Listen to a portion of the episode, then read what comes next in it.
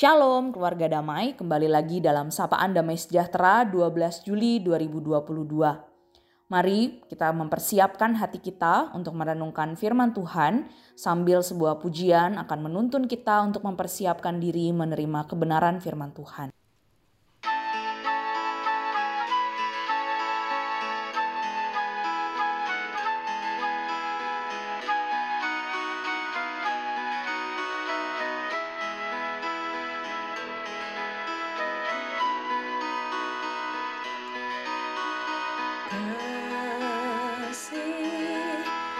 thing.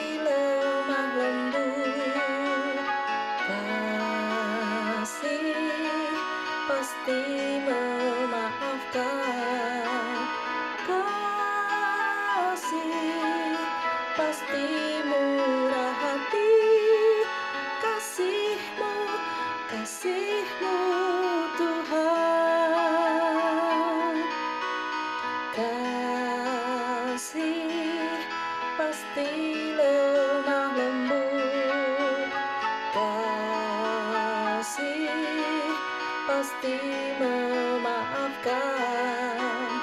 Kasih pasti murah hati.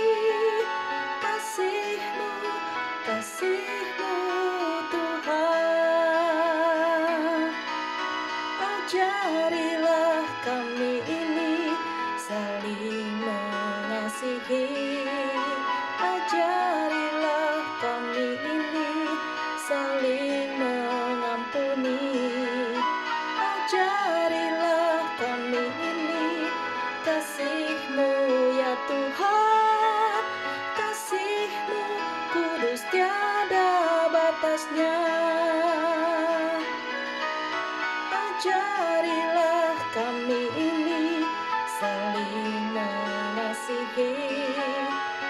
Ajarilah kami ini saling mengampuni. Ajarilah kami ini kasihmu ya Tuhan.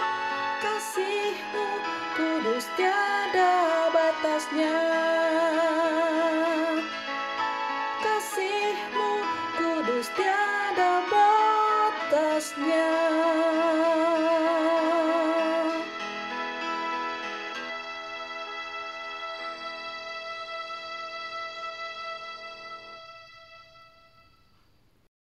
Mari Bapak Ibu Saudara kita bersatu di dalam doa. Ya Tuhan Allah yang penuh kasih, saat ini kami datang kepada Tuhan dengan satu kerinduan agar Tuhan menolong dan mengajarkan kami bagaimana kami mengasihi seperti Engkau mengasihi. Hal yang nampaknya sederhana dan sering kami dengar, namun masih sulit untuk kami lakukan. Oleh sebab itu ya Tuhan, tolong kami agar kami hari ini bisa belajar kembali, diingatkan dan dikuatkan kembali melalui kebenaran firman Tuhan. Berbicaralah kepada kami ya Tuhan, kami siap mendengarkan. Di dalam nama Tuhan Yesus kami berdoa dan mengucap syukur. Amin. Bapak Ibu Saudara, perenungan kita pada hari ini dengan tema tanda orang percaya. Dan firman Tuhan yang akan kita renungkan terambil di dalam 1 Yohanes 3 ayat yang ke-11 hingga ayatnya yang ke-17. 1 Yohanes 3 ayat yang ke-11 hingga ayatnya yang ke-17. Demikian bunyi firman Tuhan. Kasih terhadap saudara sebagai tanda hidup baru. Sebab inilah berita yang telah kamu dengar dari mulanya, yaitu bahwa kita harus saling mengasihi. Bukan seperti Kain yang berasal dari si jahat dan yang membunuh adiknya. Dan apakah sebabnya ia membunuhnya? Sebab segala perbuatannya jahat dan perbuatan adiknya benar. Janganlah kamu heran, saudara-saudara, apabila dunia membenci kamu. Kita tahu bahwa kita sudah berpindah dari dalam maut ke dalam hidup, yaitu karena kita mengasihi saudara kita. Barang siapa tidak mengasihi, ia tetap di dalam maut. Setiap orang yang membenci saudaranya adalah seorang pembunuh manusia dan kamu tahu bahwa tidak ada seorang pembunuh yang tetap memiliki hidup yang kekal di dalam dirinya. Demikianlah kita ketahui kasih Kristus, yaitu bahwa Ia telah menyerahkan nyawanya untuk kita. Jadi, kita pun wajib menyerahkan nyawa kita untuk saudara-saudara kita.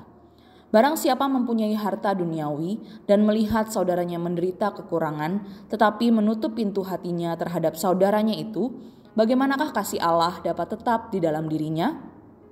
Sedemikian jauh pembacaan firman Tuhan kita pada hari ini.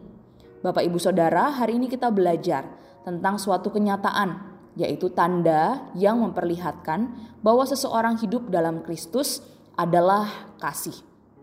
Bagi Yohanes, kasih bukanlah sekedar kata benda atau kata sifat. Dalam teks bacaan ini, Yohanes memakai kata kerja mengasihi sebanyak tiga kali di ayat 11, 14, dan juga ayat yang ke-18. Sebagai kata kerja kasih tidak dapat dilepaskan dari relasi personal dan sosial dengan manusia lainnya. Seseorang tidak dapat mengatakan bahwa ia penuh dengan kasih ilahi, tapi hidupnya tanpa relasi dengan manusia yang lain. Kasih memerlukan objek untuk dikasihi, yaitu sesama manusia. Secara khusus, hakikat kasih dikontraskan dengan dua model, yaitu Kain dan juga Kristus. Bapak, ibu, saudara, kita tidak perlu terkejut bila dunia membenci kita, tetapi kita harus heran bila ada kebencian di dalam tubuh Kristus. Yohanes dalam bagian ini memakai kisah Kain sebagai contoh kegagalan dalam mengasihi. Kain gagal karena tidak beriman. Lalu lahirlah ketidaktaatan yang berakhir pada kebencian. Lahir kesombongan yang menghasilkan panas hati. Kebencian dapat ditunjukkan secara aktif maupun pasif. Di mata Allah, membenci saudara sama dengan membunuh dia di dalam hati. Perbedaan kebencian dan pembunuhan terletak pada tindakannya, namun sikap hatinya sama. Walau tidak melakukan tindakan membunuh secara langsung, terselip harapan bahwa orang itu hilang dari pandangan kita. Penolakan terhadap seseorang juga berarti memperlakukan orang itu seolah-olah ia tidak ada atau bahkan telah mati. Dibandingkan bagaimana kehidupan kasih Kristus. Kedatangan, kedatangan Tuhan Yesus ke dalam dunia mewujudkan wujud kasih Allah kepada setiap manusia yang berdosa. Karya Yesus selama dia hidup, baik perkataan maupun perbuatan, mendemonstrasikan kasih Allah yang besar. Bukti kasih yang lebih jelas adalah ketika Kristus menyerahkan nyawanya berkorban untuk setiap kita. Yesus rela menyerahkan nyawanya sendiri agar kita menerima kehidupan. Oleh karena itu, Bapak Ibu Saudara, orang yang percaya kepada Yesus patut meneladani kasih Kristus. Kita pun wajib untuk menyerahkan nyawa kita untuk saudara seiman. Di dalam ayat yang ke-16 berbunyi demikian. Bapak Ibu Saudara mereka yang menyatakan diri sebagai Kristen harus saling mengasihi ini bukan hanya sekedar tugas, ini menjadi bukti kekristenan yang sejati, di mana tidak ada kasih, di situ iman mati. Bila kita tidak mengasihi saudara seiman, orang Kristen macam apa kita di hadapan Tuhan? Kasih sejati bukan hanya ada di dalam hati atau mulut, tetapi dinyatakan melalui tindakan. Ujian mengasihi bukan hanya melakukan tindakan yang dramatis dan heroik, tetapi kita bisa menyatakannya melalui tindakan yang nyata berbagi makanan dengan mereka yang kelaparan, atau berbagi berkat dengan mereka yang kekurangan merupakan tindakan kasih yang nyata. Jangan biarkan kasih kita hanya ada di bibir tanpa ada aksi yang nyata. Kita harus menyatakan kasih dalam tindakan dan kebenaran, dalam aksi dan dalam kejujuran.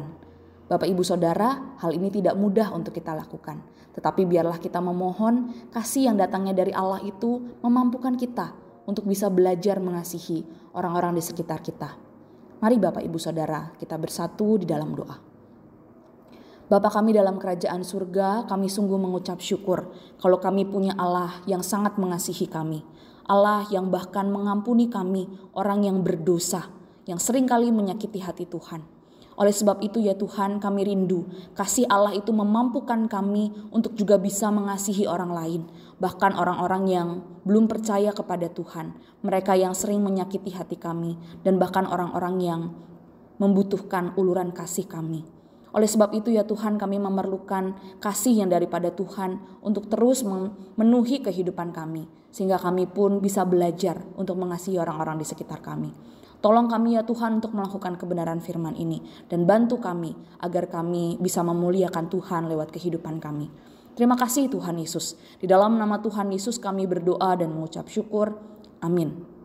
Selamat beraktivitas Bapak Ibu Saudara, Tuhan Yesus memberkati setiap kita.